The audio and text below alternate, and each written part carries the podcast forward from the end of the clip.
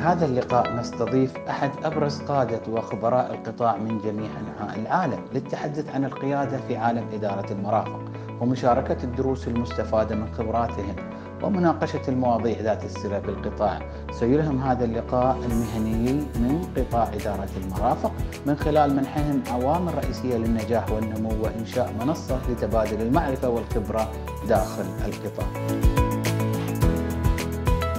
بسم الله الرحمن الرحيم. السلام عليكم ورحمة الله وبركاته. تحياتي للجميع الحضور اللي معانا اليوم وإن شاء الله تكون حلقة ثرية على الجميع. نستضيف في لقاء القادة اليوم الأستاذ أحمد الكندري أبو عبد الله ال CEO حق ال United Facility Management وال vice chairman وما شاء الله هو بيعطي لنا أكيد نبذة مفصلة عن بداياته في القطاع خبراته ويبدأ حتى من يوم ما بدأ وتخرج من الجامعة.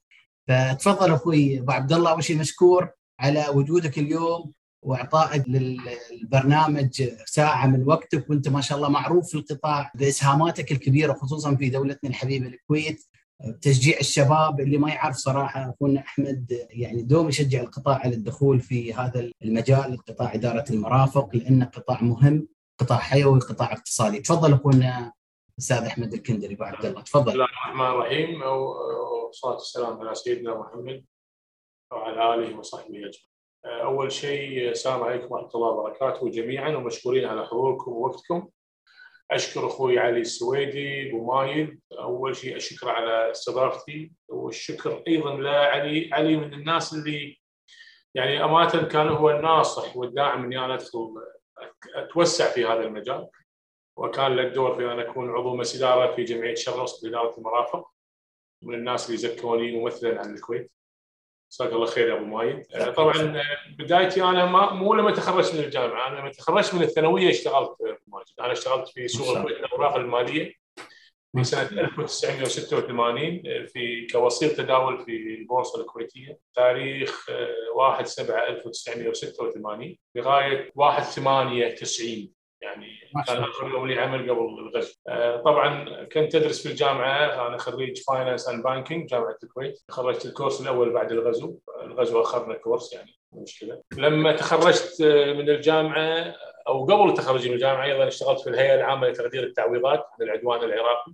كمدقق طلبات كانت part time، بعدها لما تخرجت وخلاص اشتغلت في شركة نفط الكويت. ثم للأسف يعني قطاع النفطي ما كان يعني المجال اللي أنا حبيته وعقب سنتين تركت المجال وانتقلت إلى إلى مجال البنوك.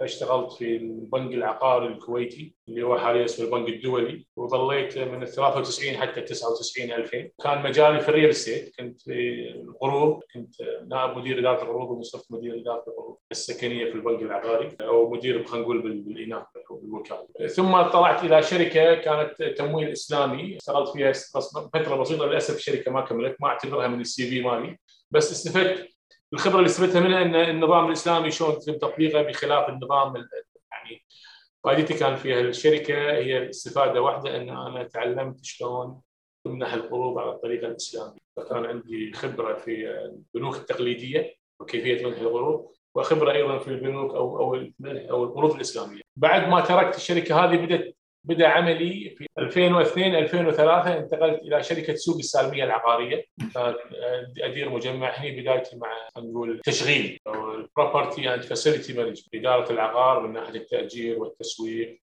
والتحصيل وإدارة العقار من ناحية الصيانة والأمن والنظافة. كنت أنا أمثل المالك وفي شركات مقاولات سواء شركة الصيانة أو الأمن أو النظافة أو الباليه أو مواقف السيارات فكانت هذه البداية تعلمت فيها ثم انتقلت إلى شركة العقارات المتحدة في 2006 بعد ما خطبوني وقالوا نبيك عندنا امسك مشروع المارينا مدير المارينا.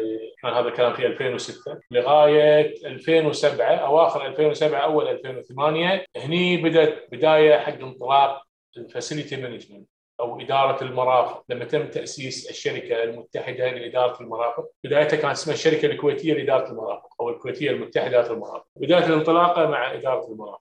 اسسنا شركة على أساس نطور هذا القطاع حق مشاريعنا كعقارات متحدة. اليوم العقارات المتحدة عندها مشاريع في الكويت في الأردن في عمان في الإمارات في لبنان في مصر.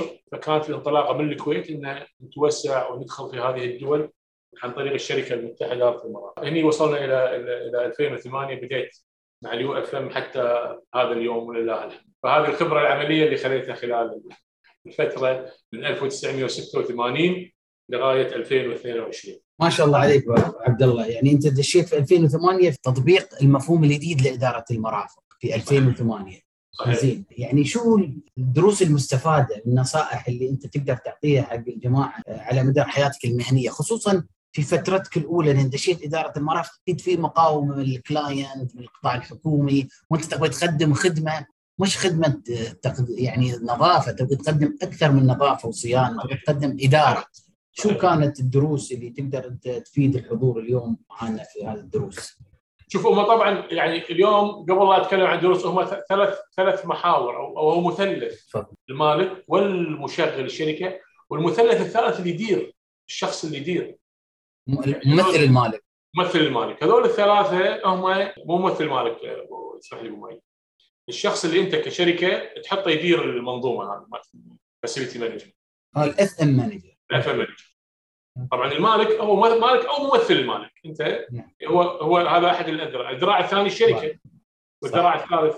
فاليوم اللي اللي إحنا صدمنا فيه بالبداية مع مع الملاك إنه هو الفكرة للأسف ما زالت موجودة. فصل الخدمات عن بعض. أمن بروح ونظافة بروح وصيانة بروح. اليوم أنت لازم تقنع الشخص المالك أو ممثل المالك مثل ما تفضلت انه شلون تجمعهم في خدمة واحدة. طبعا أغلب الملاك يخافون من شيء واحد. إذا صارت يعني هذه أول معضلة حاشتنا إنه يقول لك تعال أنا أعطي أحط أحط كل البيض مالي في سلة واحدة. فاليوم إذا حط على قولتهم إذا السلة طاحت انكسر كل البيض. فيقول أنا باكر لو الشركة صار عندها مشكلة مالية دروب بتأثر في كل خدماتي طبعا هني كنا نحاول نقول لكم تعال انت المفروض يكون الاختيار مو على أي شركة يكون الاختيار بشكل صحيح وسليم. وهذه من أول المشاكل اللي واجهت. المشكلة الثانية آه، للأسف ينظرون لها بالتكلفة، اليوم هو حط ملايين الدنانير على عقارة. لما تيجي تشغل يقول تعال يا إيش دعوة؟ تاخذ مني هالكثر؟ إيش دعوه هالمبلغ الطويل اللي تاخذونه؟ مو هو ما قرأ إن هذا الأمر إنه بيفيد الفيوتشر استدامة العقار، هذه كانت المعضلة الثانية الأمور المادية. الأمر الثالث ما كان في المعرفة والنو هاو خصوصا هنا عندنا في الكويت يمكن أنتم الإمارات سبقتونا وما زلتوا أنتم المتفوقين في المنطقة ابو ماي بس إحنا هنا الجماعة ما كانوا يعني للحين على ما تقنع وأمانة إحنا عانينا كثيرا على ما وصلنا وصلنا له اليوم خلال 12 سنة أو 14 سنة بالبدايه ما كان في تقبل. حتى لما تدخل في المشاريع الحكومية أمن نظافة صيانة كل واحد عقده بروح اليوم بعض الجهات لا. خلاص إدارة وتشغيل المنشاه أولهم أستاذ جابر. لا الحمد اليوم إحنا إحنا ندير استاجار من الألف إلى الياء. فبدأت أيضا بعد فترة طويلة أو خلينا نقول فترات متقطعة بدأت الجهات الحكومية تدخل ال facility management أو إدارة المنشأة بس يعني هذه يمكن كانت المعضلات الثلاثة اللي قلت لك عنها. الدروس المستفادة إذا حطيناها شنو استفدنا؟ استفدنا أن بدأت العقارات تتطور. بدأت العقارات يصير فيها استدامة. بدينا نحافظ على العقار بشكل أفضل من السابق. فهذه الأمور وايد يعني لما نقعد إحنا مع أنا قعدت مرة مع أحد الأشخاص اللي كان عقاره طبعا هذا بالقطاع الخاص. كان عقاره موزع الخدمات والحين صار عقاره صار له ست سنين أو سبع سنين لا خدمة متكاملة. قال نعم الحين بعد هذه الفترة شعرنا بالفرق. شعرنا بالعقار مرتب منظم استدامته في جدول لأمور الصيانة في جدول ال cleaning في ال security معروف شلون طريقته وكاميراته. يعني فهذه أحد الأمثلة اللي إحنا كنا قبل خدمات متفرقة وبعدين صار خدمات متكاملة. ممتاز. أنا تعجبني الكلمة يعني خدمات متكاملة. مو خدمات متجمعة لا متكاملة تكمل بعض. لأن هذا الصح تشغل صح إن لازم الخدمات تتكامل. مو بس أنا أقدم الخدمات كلها أنا أتأكد إنها مربوطة ببعض وتسوي لي منظومة أحمي فيها العميل والمبنى ومستخدمي العميل مستخدمي المبنى وأتأكد من الاستدامة. وهذا شيء مهم. يعني نحن دورنا في إدارة المرافق مثل ما أنت قلت إن نشوف أصحاب المصلحة اللي هم الممثل المالك مقدمي الخدمات مستخدمي المباني ونحاول نشوف المخاطر اللي موجودة زين؟ ويمانج يعني هو يشوفنا نحن خطر عليه مثل ما أنت قلت إنه يحط الخدمات كلها في سلة واحدة، إحنا لازم نروح له ونقول له لا شو المخاطر اللي موجودة عندك في المبنى؟ إحنا نحميك منها.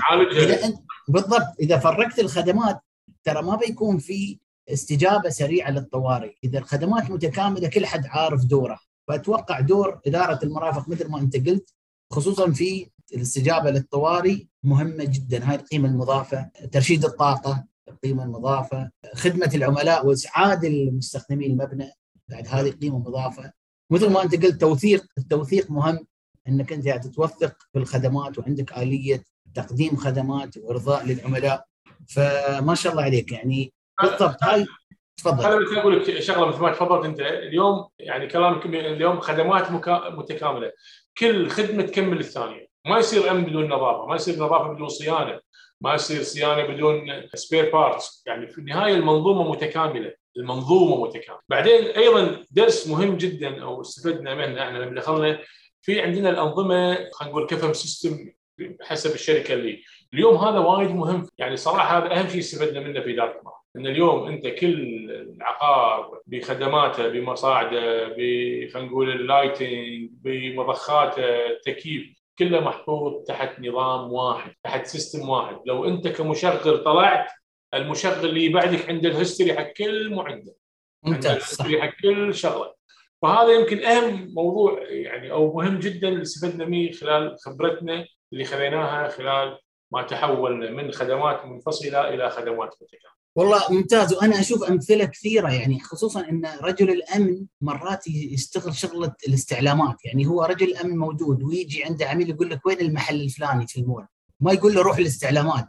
already عنده الورقة ويطلعها ويوجه عنده فهذا التكامل اللي نتكلم عنه. زين ما دام إحنا نتكلم عن دروس ونصائح وما شاء الله عليك يعني آه، مثل ما قلت أهمية العمل بشفافية توثيق تراوي ال customer والعميل القيمه المضافة شو أنت تشوف الدروس المستفادة بعد الكوفيد؟ يعني خلال وقت الكوفيد وبعد الكوفيد شو تحس؟ يعني هل في دروس أكثر أو العميل شاف قيمة إدارة المرافق في الفترة هاي؟ إحنا عدينا الحمد لله إن شاء الله نعدي. عندنا اليوم عندنا أرقام شوي قاعد تزيد بس الحمد لله انفلونزا عادية. الحمد لله. شو رأيك؟ آه، شوف يعني اليوم الكوفيد صراحة شل شل البلاد والعباد. صح. بس اليوم اكو ميزة صارت حق إدارة المرافق، إحنا يمكن من الشركات أو خلينا نقول بشكل عام إدارة المرافق ظلت العقارات مخدومة والبلد مشلولة. اليوم كانت العقارات تحتاج من يأمنها، من ينظفها، من يصينها، حتى في في ال lockdown لما صار في بالتسكير الكلي لمرافق الدولة، بس ظلت في مرافق شغالة بالتالي تحتاج الخدمة، بالتالي اليوم القطاع هذا ظل شغال.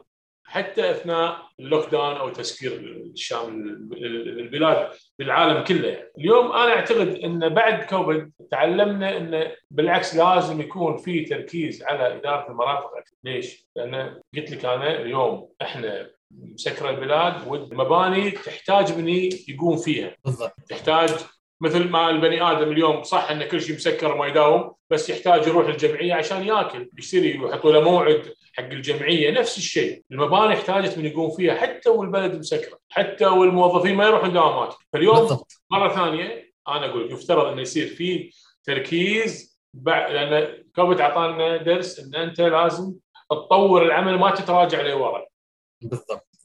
اثنين أنت اليوم ممكن تدير المباني هذه. يعني أنا على سبيل المثال كرئيس تنفيذي كنت أدير الأمور وأنا قاعد في البيت. ما يحتاج أطلع. التقنيه اللي وصلت اليوم بالآيفون باللابتوب. إن قدرنا ندير عقاراتنا ونتابع مع موظفينا في إدارة المباني هذه وأنت قاعد في البيت. وهذا بعدين بطرق له في موضوع ثاني. ومايد في موضوع بتكلم شوي عن موضوع استخدام الآيفون والذكاء الاصطناعي وال data والأمور. نعم هذا في سؤال عن الموضوع هذا فممتاز.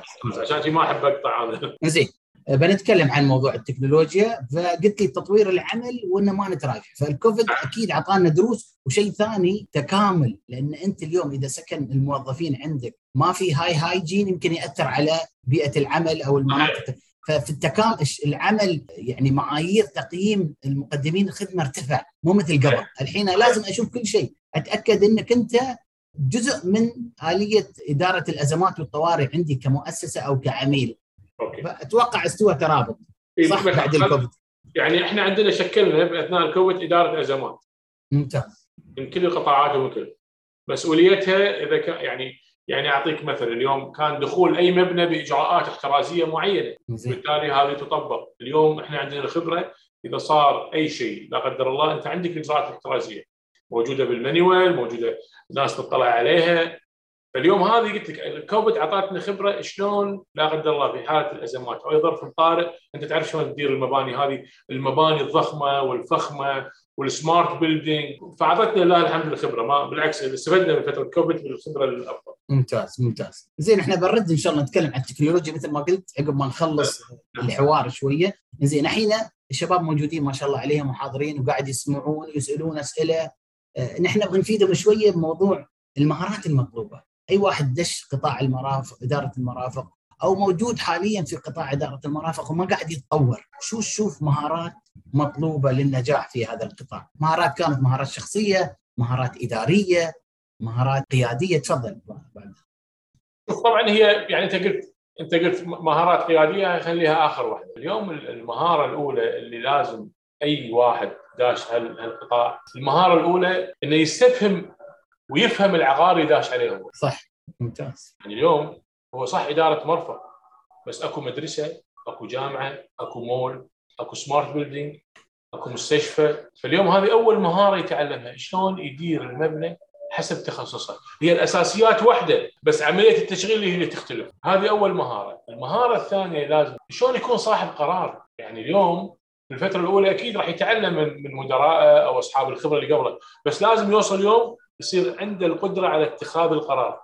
اتخاذ القرار مهارة مهمة جدا جدا جدا. مو بس في إدارة الاعمال في أي موضوع كان في أي إدارة في أي خبرة كانت اتخاذ القرار.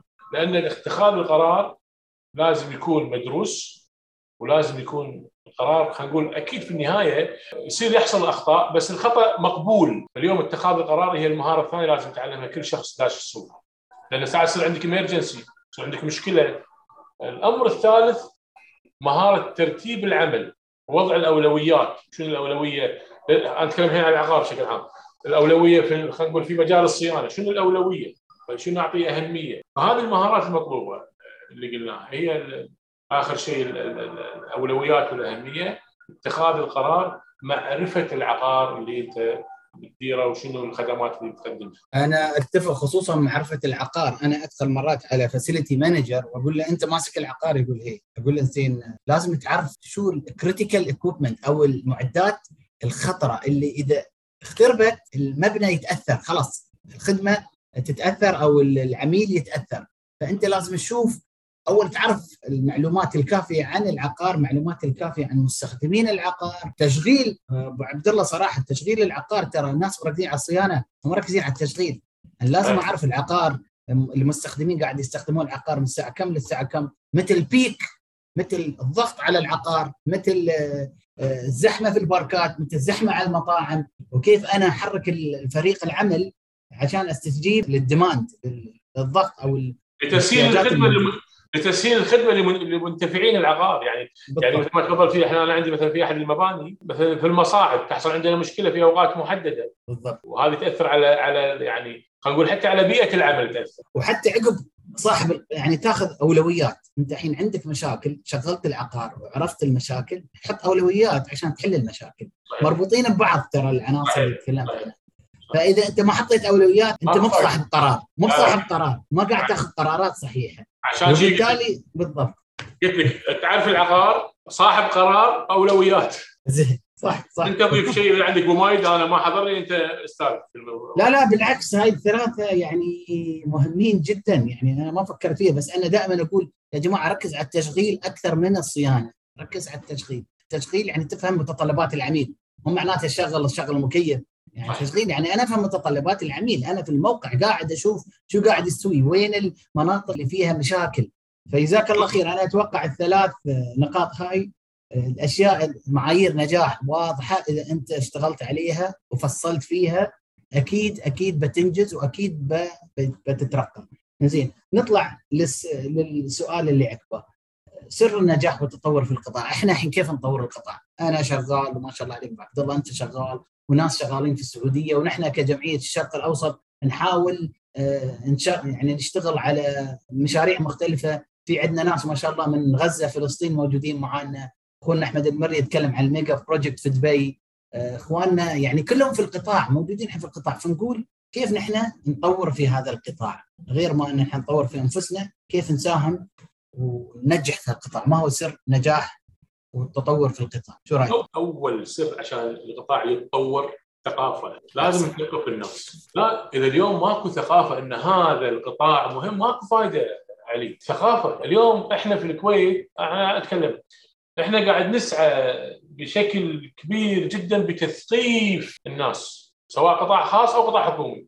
إحنا ترى إحنا لما كنا في 2008 وين واليوم وين؟ لله الحمد قطعنا شوط. أنا ما أقول لك إحنا وصلنا 100% ولا 90 لا لا إحنا الحين 60% الحمد لله تجاوزنا 50% اليوم الثقافة رقم واحد تثقيف الناس. اثنين عشان ينجح لازم تختار الأشخاص الصح اللي يديرون. ترى مو بالشرط مو بشرط إنه يكون ترى شخص عشان يدير عقار يكون مهندس. مو بالضرورة. بالضبط. أنا ماني مهندس. أنا خريج finance bank ما, ما ماني مهندس. بس تعلمت الهندسة اثناء أثناء العمل في الخبرات في العقارات المتحدة وكنت مسؤول عن construction فاليوم الشخص عشان نطور العقار ها خلي بالك نطور عشان ننجح. نعم. ننجح عشان نطور لازم نطور أول عشان ننجح. التطوير التطوير العقار. الأمر الثاني اختيار الأشخاص الصح. الثقافة اختيار الأشخاص الصح. رقم ثلاثة اختيار المباني. يعني اليوم للأسف أكو مباني متهالكة وأكو مباني جديدة. المباني الجديدة هي يعني مو أقول لك هي أساس النجاح بس تعطيك مجال إنك تكبر وتنجح. لأن هذول المباني هي اللي تحتاج العمل تحتاج الجهد. بدينا ندخل على ال smart building وال smart building فيه كثير من التفاصيل. يعني أبسط شيء أبسط شيء اليوم الناس لما تيجي حق المصعد اليوم في للحين الناس يطق يطق الأسانسير يتبطل يدش. بعدين يتوهق ما يدري وين بيروح؟ ما درى إنه لازم يحط رقم الدور عشان يطلع له A A B C D ولا رقم الاسانسير رقم واحد. صح. فاليوم المباني تحتاج عشان أنت أيضا تطور وتنجح المباني طريقة إدارتها وشنو هي مثل ما قلت لك مساحه ملعب كرة قدم ولا مستشفى ولا. فهذه الأمر الأخ... يعني عشان ننجح بعد الحين خلينا نروح حق النجاح. كقطاع. كقطاع. اليوم الخدمة الصح الخدمة الصح التعامل مع مع ال client مالك تلبية طلباته خصوصا في البداية ادفع من جيبك ما يمنع بس لبي لبي طلبات عميلك مو شرط يكون في العقد. يعني اكو للأسف بعض الشركات تطلب منا شغله وراء مو موجودة في العقد. لا لا ما يصير. أنا في ال UFM اليوم أي عميل يطلب مني أي شغلة حتى موجود تعاقديا لازم البيها له. بعدين أتفاهم معه. هذا هذا نجاح. هذا هذا أحد أسرار النجاح إنك تطلب تلبي طلب عميلك. ولا ترده ولا تقول له والله اسمح لي والله العقد ما في. والله اسمح لي ترى عشان أسوي لك الشغله لازم تعطيني 100 دينار. لا لا لا خلاص خسرت العميل. سقطت مو. سقوط سقوط ذريع بعد. خلص سوي الخدمة اللي يبيها بعدين تفاهم معه في النهاية هو عميلك. فهذه يعني عقب ما قلت النقطة الأخيرة خدمة العميل الخدمة الصحيحة في تلبية طلباته. أنت أنت العقد مجبر إنك تلبي طلباته. تعاقديا عليك غرامات إذا ما نفذتها بس عشان تنجح لازم تلبي طلب عميل فاحنا تكلمنا عن العقار تكلمنا عن الأشخاص تكلمنا عن الثقافة وتكلمنا عن الخدمة. زين. آه يعني ما شاء الله عليك. تكلمت عن التلبيه الصحيحه للسكوب يعني الأشياء المطلوبة منك يعني لازم لازم تقيم وبعدين تتأكد إن تقدر تقدم الخدمة وكيف تقدمها بالطريقة الصحيحه وبعدين نفس الوقت تكلمت مع عن موضوع إني أنا موجود لحل مشاكل العميل. يعني أنا اليوم مو لازم يكون في السكوب. جاني يقول لي يا أخي بيتزا فيها جبن أنا ما أحب الجبن. لا المنيو مكتوب فيه جبن؟ لا لا أنا أحل لك المشكلة. فأنا اليوم مثل المطبخ. المنيو مالي مو لازم يكون ثابت. أنا عندي خدمات في المنيو أقدر أسويها حتى شيء مش بالمنيو أطلع لك إياه. فعلى حسب احتياجاتك أنا يعني أكون سريع في تقديم الخدمة. السرعة مهمة جدا. كلامك صحيح. وهذا بيساعدنا إن نكسب عملاء والعملاء يعني يؤمنون بإدارة المرافق لأن كل ما زادت الثقافة وزاد الإيمان فكرة إدارة المرافق كل ما العميل دعم المنظومة هاي واستانس على أو شاف القيمة المضافة. فمهم جدا مثل ما قلت الثقافه وإحنا ندعو جميع اللي حاضرين اليوم معانا واللي يشاركون انك كيف تخلق هاي الثقافة. كنا مسؤولين كنا اليوم سفراء عن هذا القطاع نقدر دائما نغير فكرة مفهوم إدارة المرافق وصدقوني إدارة المرافق بيكون لها تأثير كبير على المباني على المدن على اقتصاد الدول. إذا نحن فعلنا دور إدارة المرافق الصحيح. وأتوقع أبو عبد الله آه، يعني شغال بصورة كبيرة في الكويت على تبني مفهوم إدارة المرافق وحتى توصيله للجهات الحكومية مو بس المباني الخاصة، شو تشوف التحديات فيها؟ في يعني إنك أنت توصل توصل فكرة إدارة المرافق للجهات الكبيرة يعني الجهات الحكومية والملاك العقار العقارات الضخمة. آه، أنا أشوف في في تحدي بس إحنا دائما لازم نبرز الصورة صحيحة مثل ما قلت أبو عبد الله. شوف طويل العمر؟ يعني اليوم تحديات أنت اليوم مو بس يعني مثل ما قلت لك أنا الحمد لله وصلنا. يمكن اليوم يعني القطاع الحكومي في كثير من الجهات خلاص صار عندها الثقافه، بس اليوم انت تبي تكمل على باقي الجهات يعني خل أعطيك مثل حصل. في أحد الوزارات بنوا مبنى جديد ومبنى صراحة فخم جدا، طبعا ما بيتكلم عن المبنى عشان أنا بتكلم عن الناس اللي كانوا يديرون ما بيتكلم عن منو المبنى. والمبنى صرف عليه ملايين الدنانير. أمانة الجماعة نادونا كوكيل معني للقطاع وكان يبي يعطينا العقد واشتغلنا معاهم وأعطيناهم كل الأمور.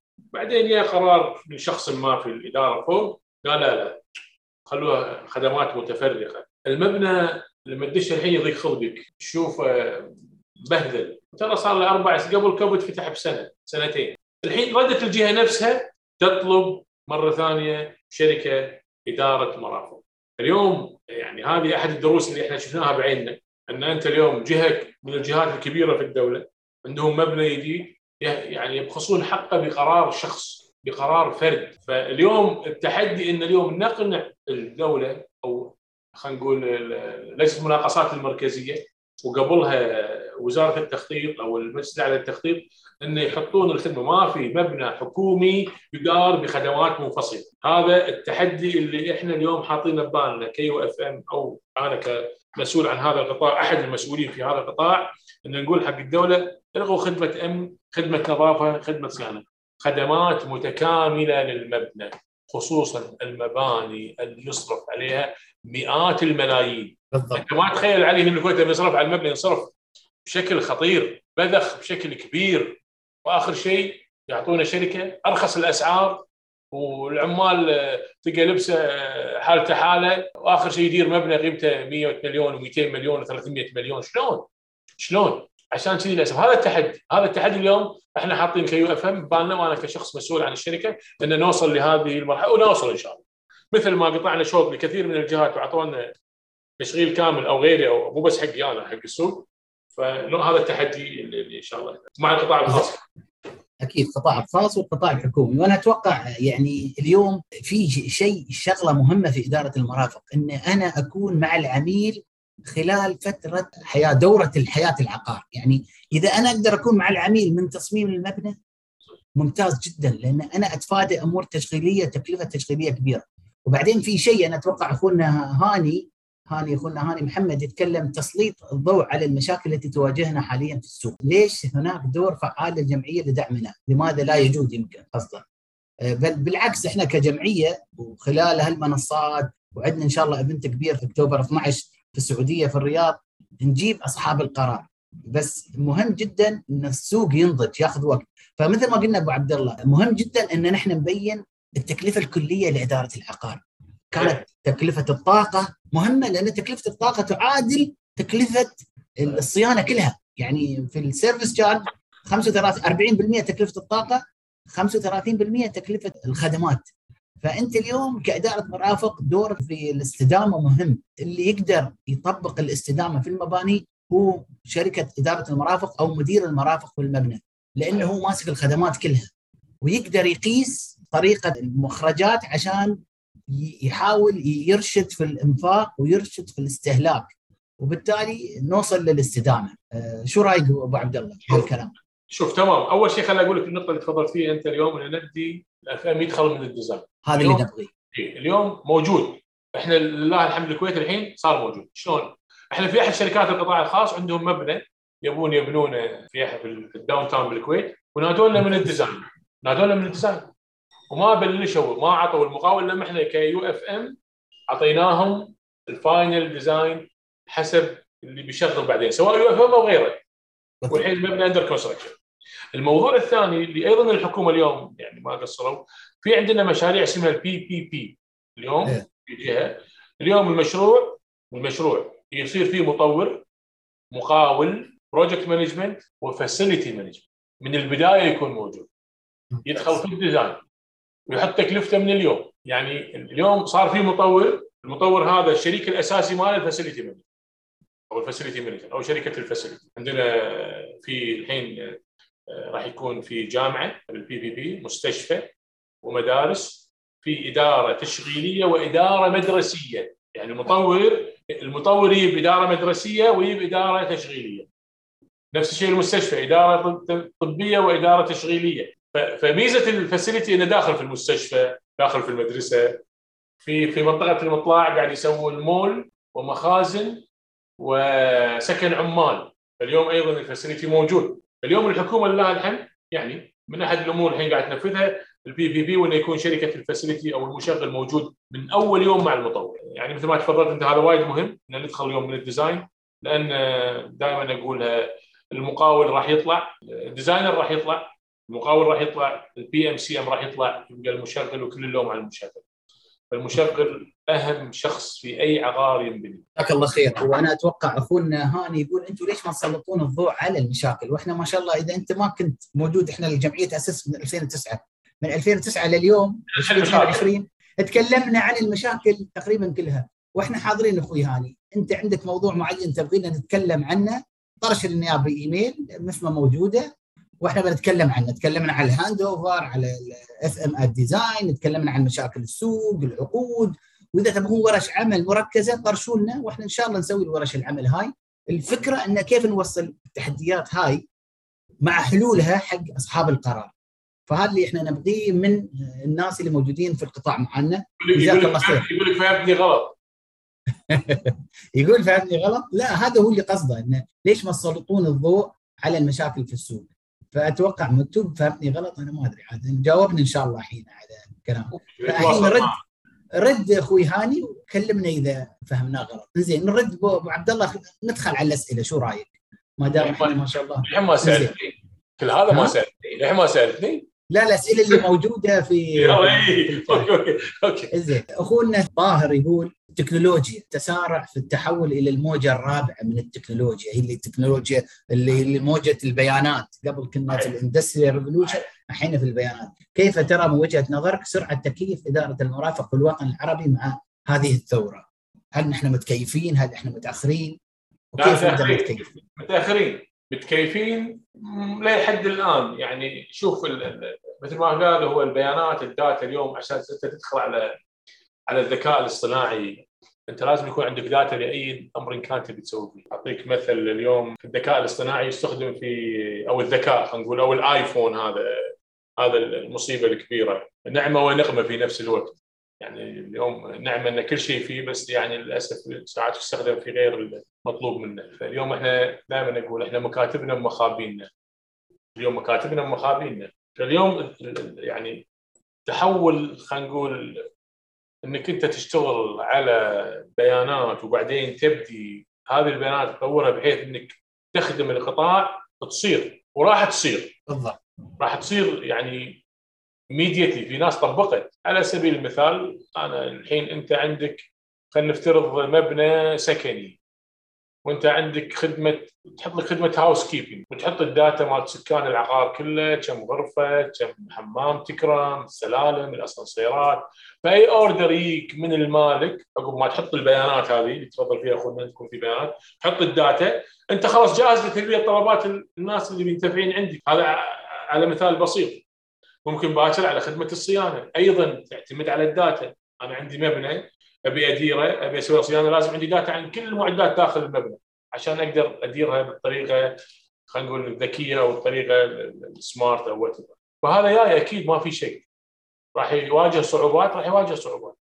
لأن التكلفة بتزيد أو ممكن التكلفة تقل. لحد الآن الناس تقول لك والله أنا عشان أحط النظام التكلفة في البداية بس بعدين ماكو labor راح تقلل. يعني الذكاء الاصطناعي أو هاي الأمور راح تقلل وظائف كثيرة أبو ماي راح تخلق وظائف جديدة وراح تشيل وظائف كانت موجودة. فهذا موجود أبو عبد الله هي فكرتها إن اليوم أنا عندي بيانات وايد. يعني أنا أجمع بيانات من من ال CAFM system المشكلة ال CAFM system اليوم تكنولوجيا بس تكنولوجيا آه يعني مو dynamic static ثابتة.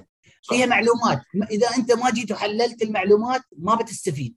تسوي بحيرة البيانات لما تسويها ال data lake وتحط artificial أو machine learning machine هذا قاعد يتعلم على آه، طريقة تقديم ال preventive maintenance وقت العمل في ال preventive maintenance استهلاك الطاقة في الساعة المعينة آه، وجود call out نفس الوقت متى سويت الصيانة ومتى استوى ال call out فتعطيك معلومات أو تفيدك بأخذ القرار. فيقول لك data decision making data driven decision making فأنا أتوقع في ناس وايد شغالين على call آه، center أو operation center إنه يجمع بيانات وال machine يعطيك يعني على الأقل بدل ما أنت تدور وتسوي classification ال machine قاعد يحط لك المعلومات بطريقة تقدر تساعدك على ال energy saving تقليل تكلفة التشغيل. والله في مثلا أنا هني اشتريت spare part بسعر أغلى وهناك بسعر رخيص. بدل ما أنا أدور وأنبش ال machine نفسه قاعد يسحب معلومات ويعطيني. والله ال spare part الفلاني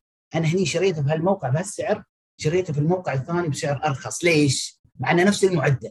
فأنا أتوقع الثورة نحن مو مستغلينها للحين. نحن مو مستغلين آه، ثورة البيانات. نحن بعدنا معتمدين على ال CAFM يعني أنا أعطيك مثال. إحنا في القرية فعلنا دور ال app. ال app يراويك ال technician وين رايح في القرية وبعدين ال work order إذا اشتغل عليه ما يحتاج يقول أنا متى بديت الشغل؟ متى خلصت الشغل؟ ال app هو اللي يقول لك خلاص. ما دام سكر ال app بالضبط. أنا هذا شوف مايد اسمح لي اسمح لي. إحنا أنا ما أتكلم عن CAFM system وبياناته. هاي موضوع ثاني مايد بالضبط بالضبط. إحنا هذا هذا يتكلم إحنا نتكلم عن بيانات المكان اللي راح تخدمه. أعطيك على سبيل المثال مثال أنا قلت لك مثلا اليوم المبنى بدنا تكلمنا عن الصيانة، المبنى في معدات، في تكييف وفي كهرباء وفي كهرباء وفي صحي وفي وفي. fire alarm تمام. المعلومات البيانات هذه لازم تدخل كلها مثل ما قلت حوض من البيانات. بالضبط. أي خلل يصير البيانات كلها مسجلة بال iPhone بال app مالي لما صاحب الخدمة يقول لي أنا الأفضل من كذي إن كل معدة تحط لها باركود بالضبط بالضبط. okay؟ فبتي أنت يقول لك والله أنا عندي تكييف خربان أنت عندك وايد مكان تكييف. فصاحب المنتفع يحط يمرر ال iPhone على الباركود يعرف شركة ال FM إن الماكينه الفلانية رقمها كذا محطوطة في الدور الفلاني تخدم المكان الفلاني هي اللي فيها خلل. يطلع يعرف انه يصلحها. نفس الشيء ال lighting نفس الشيء المضخات ايا كان. فاليوم تحتاج مرة ثانية البيانات وال data هذه تنحط وتستخدم فيها ال applications والامور أعطيك مثال ثاني أبو عبد الله اليوم الولد عندي مايد عنده موعد في الدكتور. فانا عندي ال app. قلت له ماجد في tickets تقدر تنزل ال app تاخذ tickets قبل ما تنزل العيادة. بس إذا أنت ما كنت قريب من العيادة ما بيعطيك ال tickets لأنه هو عارف ال location مالك. فإذا أنت كنت في منطقة العيادة بيطلع لك ال tickets قبل ما توصل تقول أنا موجود. إيه. أول ما تدش المستشفى رقمك موجود عندك في ال app. ما يحتاج تروح تقول أنا وصلت هذا ال ID مالي. فهاي التكنولوجيا اللي إحنا نحتاجها باداره المرافق. صحيح خلاص أنا نفعل دور ال location مال ال geograph. آه، في بعض الأصول عندي في القرية حتى ما لها tag أنا حطيت لها جيو تاج ما حطيت الكاميرا عليها خلاص انعرف الموقع. حتى ما تحتاج باركود الأصول الخارجية مو اللي داخل المباني فمثل ما علي هذا ال future إذا أنت ما واكبت هذا التطور راح تكون آخر الصف. بالضبط إذا أنت ما واكبت هذا التطور اللي تفضلت فيه راح تكون آخر الصف. يعني بالضبط. اليوم اليوم خلينا ناخذ تكنولوجيا. قبل التلفزيون كان تشترك مع الشركات بالقنوات ريسيفر لك وكذا اليوم لا ماكو ريسيفر كيرت أكو إنترنت أكو beIN أكو Netflix. خلاص مربوط كل شيء. اللي ظل على الريسيفر اللي ظل على الريسيفر والكرت واشتراك انتهى. انتهى من السوق. بالضبط. بدون ذكر أي اسم من الشركات؟ بالضبط. أتوقع أخونا ثائر الحين قلنا اسمه صح اسمه ثائر. جاوبنا على سؤالك وأكيد بتوفر الوقت والتكلفة وزيادة الجودة. وأنا أقول لكم يعني أتوقع خلال السنوات الثلاث الجاية خلاص شركات إدارة المرافق يا تكون مقدم خدمة يركز على الخدمات يا تكون شركات إدارة مرافق بالمعنى الحقيقي إن تفعل دور التكنولوجيا في إدارة المنظومة صحيح. وآلية العمل. مو بس تصير باكر عفوا أنا اسف أقاطعك. عندك أسئلة وايد ها؟ إيه. أنا ما مقاطع كمل. لا لا تفضل كمل عادي عادي. بس أنا بقول لك هذه الخدمة في العقار مو بس تخدم أنت صيانة المبنى باكر تخدم المنتفعين. واحد يبي قهوة واحد يبي غداء واحد يبي عشاء واحد يودي هدومه لاندري واحد يبي الدواء من الصيدليه بالضبط. هذا يعني هذا لازم تنظر إنه تخدم منتفعين المبنى مو بس المبنى منتفعين المبنى 100% أتوقع جاوبنا على سؤال أخونا ثائر بإسهاب وحتى أخونا أحمد المير يتكلم عن التكنولوجيا في العقار أكيد مهمة. إنزين ندخل الحين لأخونا ماجد لنسال مطلوب بناء نظم وقواعد مهنية لتنظيم العلاقة بين البائع والمشتري والوسيط والمالك والمطور العقاري. أتوقع أخونا ماجد أكيد آه. هذا مطلوب بس هو ما له شغل في إدارة المرافق. حتى في إدارة المرافق لازم في قواعد و... والايسو 41000 إذا حبيت تشوفه أكيد يتكلم عن الأمور هاي العلاقة بين أصحاب المصلحة في إدارة المرافق. زين ندخل أخونا عبد الرحمن الزهراني. يا ليت نتكلم عن تقديم دور الوفورات في المشاريع قبل الحديث عن ال cost وغيرها لأن غالبا الكلام عن ال cost هو السبب في مشاكل المشاريع القائمة. الوف... الوفورات أكيد أخونا الوفرات مهمة مو بالتكلفة بس بس مثل ما قال أخونا أحمد الكندري. إن اليوم أنا انتج العميل ما أتكلم بس عن التكلفة. طلب مني خدمة أنا أوفرها أحاول ألبي متطلباته عشان يوثق في إني أنا قادر مؤهل. ما أتكلم عن التكلفة. أروح أشوف المبنى وكيف أفيد العميل وأوفر عليه تكلفه مش لازم التكلفة هي جزء من عملي مثلا ترشيد الطاقة. لو ما كان في ال scope أتوقع معظم الشركات الناجحة تروح للعميل تقول اعطني فاتورة الكهرباء. أنا أبى أدرسها. شو رأيك ابو عبد الله؟ عدل كلامك عدل. عدل. بالعكس أنت ممكن تخدم آه، صاحب العقار بدون ما تاخذ منه ولا دينار. بالعكس توفر عليه. فأكيد كلامك صح يا أخونا عبد الرحمن. الوفرات نتكلم عنها قبل التكلفة. زين أخونا جابر الجسمي ما شاء الله هل من الممكن إدارة مرافق بدون برامج مثل ال CRM وال CAFM؟ أبو عبد الله شو رأيك؟ ممكن بس تكون يعني إدارة بدائية. ماكو شيء مو ممكن. كل شيء يصير. بس ما ما تواكب مثل ما قلت أنا ما راح تواكب التطور والتقدم اللي يصير في القطاع. خلاص تظل في آخر الصف يعني. يعني قلت إذا أنت ما واكبت التطور تظل في آخر الصف. ممكن. ممكن. بالضبط. أخونا جابر ال CRM يعني أنت تكلمت عن فكرتين في إدارة المرافق مهمة. خدمة العملاء إرضاء العملاء customer relation management وبعدين ال CAFM اللي يعطيك التوثيق. الحين ال CAFM قاعد يتطور. في ذكاء اصطناعي في ال CAFM فأنت لا تروح تدور لي ال CAFM القديم الرخيص. لازم تروح تشوف ال CAFM اللي يقدر يربط لك بين الأنظمة وبين الفنيين ويعمل لك app ويعمل لك يعني يكون قدراته آه، تفعيل دور التكنولوجيا في التشغيل مهم. الربط الربط ما بين الإنسان والماكينة. ما شاء الله. الربط ما بين الإنسان والماكينة سواء تليفون أو معدة. وايد مهم هذا اليوم. بالضبط. أخونا ثار إحنا أتوقع تكلمنا آه، تواجهني أصبح واجبنا على صناع القرار في صناعة إدارة الشرق الاوسط التوجه جديا لأن يقوم بتجهيز فريق العمل. من العامل حتى المدير المسؤول ليكون قادرا على مجاراه التطور التكنولوجي المتسارع. أنا وياك أخونا ثائر وإحنا يعني نبغى نشتغل على الموضوع هذا، إذا عندك أفكار معينة نحن في ال courseات اللي عندنا أكيد قاعد نطور ناس. وأخونا أحمد الكدر خصوصا في الكويت يعني أتوقع أبو عبد الله أكثر من 70 ل 100 مهندس خريج في الكويت دخلوا courseات إدارة المرافق. طبعا دربنا 150 واحد لليوم. ما شاء الله. فمهم جدا. ال machine learning مثل ما قلنا نحن نبغي نفعل دوره وفي آه، نحن دائما نتكلم عن المواضيع هاي. عندنا في الجمعية آه، جوائز في case study تقدم للشركات. أنا أعطيكم مثال بعد إذنك أبو عبد الله مثال بسيط. اللي هو التدريب الافتراضي أو ال troubleshoot الافتراضي. يعني المهندس مش لازم يروح الموقع عشان يسوي troubleshoot مع ال technician. يلبس النظارة النظارة لابسينها ال technician ويشوف اللي يشوف ال technician ويساعده في إصلاح العطل. ففي يعني وفي شركات بدأت تستخدم هاي الأدوات لأن خلاص بعد الكوفيد تعلمنا. أنت مش لازم تقدر يعني يمكن عندك كوفيد بس أنت خبرة في شيء معين. فمو لازم تطلع من البيت عشان تحل المشكلة. في أدوات كثيرة لازم تستخدمها. أخونا ثار أنت ساعدنا إذا عندك فكرة معينة أو موضوع معين تبغينا نسوي فيه training إحنا ما عندنا مشكلة. ال machine learning نقدر نخصص ورشة عمل خاصة حق ال machine learning وأتوقع سوينا ورشة عمل في شهر ثلاثة في MEFMA عن تعلم الآلة ال machine learning حتى أتذكر أخونا بدر بدر سالمين اللي ألقى المحاضرة. في أسئلة ثانية أبو عبد الله ما شاء الله خلص الوقت. شوف شو قلت لك أنا الوقت بيخلص ساعة ما تكفي. إنزين. أنتوا حاطينه مو أنا.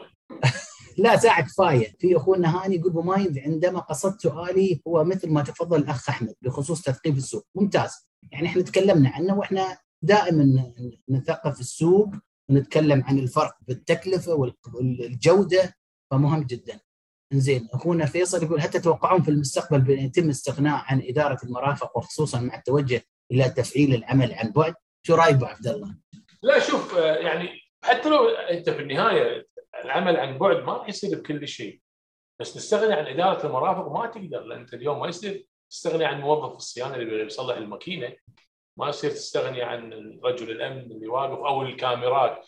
يعني مو شرط يكون رجل أمن واقف بس أكو قاعد في غرفة التحكم ثلاثة أربعة خمسة يطالعون المبنى بالكامل. أي مشكلة تصير بيطلعوا له بالتالي ما راح الأمر الثالث شخص من ينظف لك. بالتالي ما راح تستغني عنها لا ما, ما يمكن. صعب العمل عن بعد هذا يعني اوبشن حق العمال. مو كل مو كل الوظائف آه، أخوي علي مو كل الوظائف راح تشتغل عن بعد. ما يصير أكو أكو وظائف يعني يصير مهندس قاعد يبني مبنى يشتغل عن بعد ما يصير. صح صدق. أنا أقول حتى المبنى إذا يعني أنت دورك كإدارة مرافق له حتى يعني الكباسيتي قدرة المبنى تشيل 1000 واليوم فيه 500 فأنت عندك دور تقلل من تكلفة التشغيل ما دام قللت من عدد الموظفين في المبنى زين أخونا ثائر ما شاء الله عليك وايد تكتب ووايد تسأل يبغي لك ورشة عمل بروحك. زين فنحن عندنا ورش عمل مستمرة في المواضيع هاي عن التكنولوجيا بس خلينا نقرأ. آه، ما شاء الله تشكل هدر كبير في موارد المنشأة إعادة العمل المتكرر صعوبة التنفيذ عدم توفر البيانات. هاي كلها تحديات موجودة وأنت موجود مثل ما قال أبو عبد الله لازم تكون توضع الأولويات تفهم العقار وتأخذ القرار هاي الثلاث إذا إذا حطيتها بتحل المشاكل هاي كلها الموجوده ونحن مثل ما قلنا في مفما جاهزين إذا أنتم عندكم أي شيء تحبون نحن نتكلم عنه وإحنا نسوي ورش عمل حتى حق الشركات مباشرة إذا محتاجين ورشة عمل آه، بس طبعا التغيير مهم إنك أنت كمنظومة تغير عشان تتطور. شو رأيك أبو عبد الله بكلمة التغيير؟ صحيح. شوف اليوم أي شيء لازم يصير فيه تغيير وايد يعني. ماكو شيء يستمر على حاله. أنت اليوم في أي مجال إن كان لازم يصير فيه تغيير والتغيير للافضل والأحسن. يعني يعني آه، أكو أمثلة كثيرة. أبسط مثال التكنولوجيا هذه اللي وصلت حق التليفون. قبل أنت تتصل تليفون تحط صبعك بالقرص وصبعك يعورك من كثر ما تتصل خط نشر. اليوم هذا بالتاتش أنت كل, كل شيء بين إيدك. حتى تتكلم ما يحتاج. كول مستر انت الحين عفوا عفوا الحين أنا اللقاء اللي معاك انت الحين هذا اللي قاعد نشوفه ما كان اول موجود. لازم لازم نسافر. لازم اركب الطيارة واحجز فندق وامرك وتمرني. يعني فكل شيء يتغير ما في شيء ثابت على حاله يعني. حتى اليوم يعني إحنا خلينا نتكلم عن علم إدارة المرافق أو صناعة إدارة المرافق. اليوم هل هذه الإدارة كانت إدارة المرفق كانت قبل 10 سنين نفس الشيء؟ قبل 20 سنة؟ تطورت واللي جاي بعد 10 سنين أحسن من هذا. بالضبط. زين أخونا مجدي واحد من ما شاء الله الخبراء اللي حضروا معنا حتى نتذكر حضروا معنا كورس محترف موجود وسأل من العادل المختص الذي يقوم بجمع بيانات المرفق كبداية؟ شو رأيك من شنو من شنو عفوا؟ من المختص بجمع بيانات المرفق كبداية؟ من في العادة المختص بجمع بيانات المرفق كبداية؟ كبداية هو الشخص اللي يعني اليوم إذا كانت الشركة خلينا نقول قائمة قاعد تشتغل على العقار مو شركة جديدة. يعني القسم أول شيء مدير مدير العقار facility manager هو مسؤول أو المسؤول رقم واحد. صح.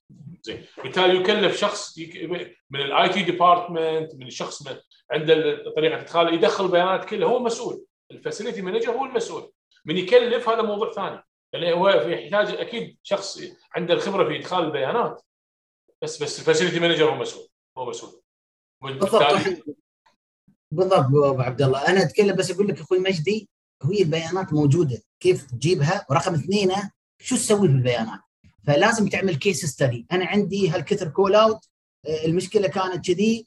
فتسوي case studies عشان أنت تطور في المنظومة. مهم جدا البيانات تفعل دورها وتاخذ قرارات بنايه على أول شيء معلومات تحولها لبيانات تفيدك في أخذ القرار. إنزين أخونا خالد مصلح أتوقع ان إحنا خلصنا بس يلا بعد كم من دقيقة بعد أخونا خالد مصلح يقول ما هي النقطة التي وصلت لها إدارة المرافق الشرق الأوسط في السباق التكنولوجي بالنسبة للسوق العالمي؟ من أول شركات إدارة المرافق وحتى استيعاب العميل لفكرة أن يستعين بشركة متخصصة لإدارة المرافق وهل يوجد خطة زمنية بسوق إدارة الشرق الأوسط للحاق بالسوق العالمي في عدم استقنائه وفهمه السليم لمفهوم أهمية إدارة المرافق؟ والله ما شاء الله سؤال طويل. إيه مو سؤال واحد. أربع أسئلة. هذا هذا ملغم السؤال. ولا خالد؟ خالد. نحن نحن مو متأخرين عن المناطق الثانية على فكرة في إدارة المرافق. يعني وعبد الله يقدر بعد يضيف من طرفه. في عندنا مباني معقدة ومباني ليد بلاتينيوم تديرها تحتاج خبرات. فأقول لك المنطقة فيها خبرات. والعملاء هم بعد يساعدونا لأن مثل ما قال أبو عبد الله المباني الجديده فيها تكنولوجيا تساعدنا نحن على إبراز دورنا لأن فريق الصيانة أو شركات الصيانة ما بتقدر تحتاج شركات إدارة مرافق شو رأيك أبو عبد الله؟ صحيح. اليوم يعني أكيد اليوم في النهاية مو بس مو بس فيها مو مباني ذكية مباني مكلفة مباني كبيرة. اليوم فيها كل الخدمات فيها مواقف سيارات فيها مصاعد فيها اسكليتر فيها اليوم حتى المباني قاعد تنبني. حتى مباني الحكومة الحين وزارات الدولة يبنون مباني فيهم كافيه وفيهم مطعم وفيهم مدري شنو. فاليوم المنظومة صارت المبنى كل شيء فيه. مهبط هليكوبتر. إحنا ندير ثلاث مباني فيهم مهابط هليكوبتر. هم يبي يعني اليوم أي مبنى ينبني يحتاج إلى إلى مثل ما قلت لك ترتيب وتنسيق من البداية. من قبل لا أصلا يستلم المالك أو يستلمون المنتفعين. زين أنا أتوقع نحن نقدر نختم اليوم حلقتنا. ما شاء الله عليك بس أنا عندي كلمة تسمح لي بس مواي تفضل أنا طبعا أتكلم بشكل عام وخصوصا حق الكويت. اليوم أنت ما قصرتوا جمعيه شراس اداره المرافق وأنا كعضو مجلس اداره معاكم إحنا قاعد نحاول ندعم القطاع في كل دول المنطقة. أنا بتكلم بشكل خاص عن الكويت. الإخوان اللي يسمعوني سواء كانوا مستجدين في هذا المجال سواء كانوا مدراء شركات سواء كان في القطاع الحكومي في كل المستويات سواء في لجنة المناقصات المركزية في وزارة التخطيط في كل الجهات. اليوم لازم إحنا داخل الكويت نسعى في تطوير هذا القطاع. وقبل التطوير تثقيف الناس في هذا القطاع. قبل التثقيف اقتناعنا بهذا القطاع. نكون مقتنعين. نقتنع نثقف وبعدين نطور. فأرجو الدعم منكم كلكم اللي قاعدين كناس تشتغلون في الكويت. كويتي وغير كويتي. أنا ما أتكلم عنه أتكلم عن عمل. عشان المباني هاي تتطور تدار حسب الأصول. على قولتهم مباني خضراء. زين. واستدامة فيها كبير يعني يصير الاستدامة للعقار مدة أطول. وتقلل التكلفة على المالك مستق يعني اليوم شو المشكلة اللي ينظرون فيها؟ إن الحين عليك فلوس بس ما ينظر لها لقدام. إذا اليوم أنت رتبت أمورك ما راح تدفع قدام فلوس زيادة بالعكس. فأرجو من الجميع اللي حاضر معنا اليوم ان إن يقتنع ويثقف ويطور. وأنا أمانة يعني اللي عندي يقدر يحصل رقمي يراسل يكلمني اللي عنده إيميل يتواصل معاي اللي يحب يزورني المكتب حياه الله بابي مفتوح في أي وقت إن كان. ومشكور وما قصرت وجزاك الله خير. جزاك الله خير أبو عبد الله على الدعم للقطاع والمهنيين في القطاع ونشكر الحضور على كلامهم الطيب ونحن موجودين والحلقة هاي مع الحلقات اللي اللي مضت خمس حلقات قيمة كلها موجودة على قناة مفمى اليوتيوب تقدرون يعني وحتى في البودكاست موجودة يعني تقدرون حتى تسمعونها وأنتم في السيارة موجودة على البودكاست موجودة على اليوتيوب وصراحة فيها معلومات شيقة وقيمة وناس قادة في القطاع يحاولون يعني يغيرون في القطاع ويكون في تحول. والحمد لله إحنا حاسين بهالتحول بوجود القادة. وأنتم إن شاء الله تكونون جزء من البرنا... يعني الثقافة القيادية اللي إن شاء الله تكون عندنا في منطقة الشرق الأوسط. يعطيكم العافية وجزاكم الله خير. ولنا لقاءات قادمة إن شاء الله. شكرا أبو عبد الله على شكرا. جميعا. شكرا أبو شكرا. الله يحفظك. والسلام عليكم ورحمة الله وبركاته. شكرا. الله يسلمك أعزائنا عائلة نفمة نتمنى أن تكونوا قد استمتعتم بلقاء اليوم. ترقبوا المزيد من اللقاءات الملهمة والمحفزة.